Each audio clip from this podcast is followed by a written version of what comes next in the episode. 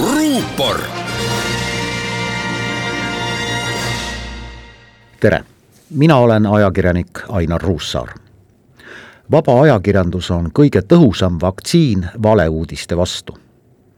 täna avaldatud iga-aastane maailma ajakirjandusvabaduse indeks näitab paraku üsna sünget pilti selle vabadusega selle uuringu koostab soliidne ja usaldusväärne valitsusväline organisatsioon Piirideta Reporterid eelmise aasta andmed näitavad, et analüüsitud saja kaheksakümnest riigist tuvastati suuremaid või veidi väiksemaid probleeme ajakirjandusvabadusega saja kolmekümne viies riigis.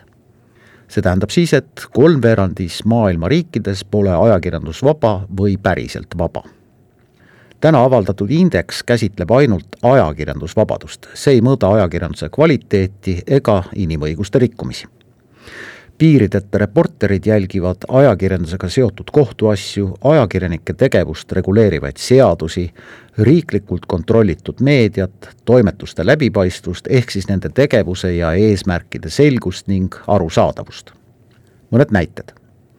on riike, kus ajakirjanikke on nende töö tõttu vangi pandud, neile peksa antud või isegi tapetud sellised juhtumid viivad need riigid ajakirjandusvabaduse tagumisse ehk musta värvi nimekirja on riike, kus kirjutatud või kirjutamata seaduste järgi on ajakirjanduse jaoks keelatud teemasid, olgu nendeks siis näiteks valitsuse kritiseerimine või oluliste andmete salastamine. Need riigid satuvad Vabaduse indeksi tagumisse punasesse värvitud nimistusse. viimastel aastatel on nimekirja lõpp olnud eriliste muutusteta ajakirjandusvabaduse viimaseid kohti jagavad traditsiooniliselt Põhja-Korea ja Türkmenistan, riigid, kus lisaks ajakirjandusvabadusele puuduvad inimestel ka kõik teised vabadused. Venemaa on aastaid olnud saja viiekümnendal kohal. maailmakaarti vaadates on kõik Eestist ida poole jäävad riigid valdavalt punased, Hiina oma saja seitsmekümne seitsmenda kohaga koguni musta värvi. Muide, piirideta reporterid uurivad ka ajakirjanike hinnangut enesetsensuuri kohta. see on keeruline teema. paljud teist mäletavad ilmselt mõne aasta tagust verist rünnakut Prantsuse satiiriajakirja Charlie Hebdo toimetusse pärast seda, kui väljaanne avaldas pilapildid Muhamedist.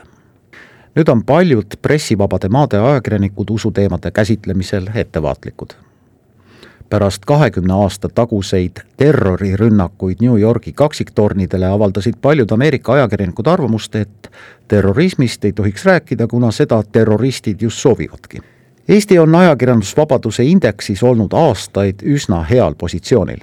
seekord viieteistkümnendal kohal, mõned aastad varem üheteistkümnendal lõunanaabritest igatahes mitu kohta eespool, aga ajakirjandusvabaduse esikolmikusse kuuluvatest Norrast, Soomest ja Rootsist ikka tagapool.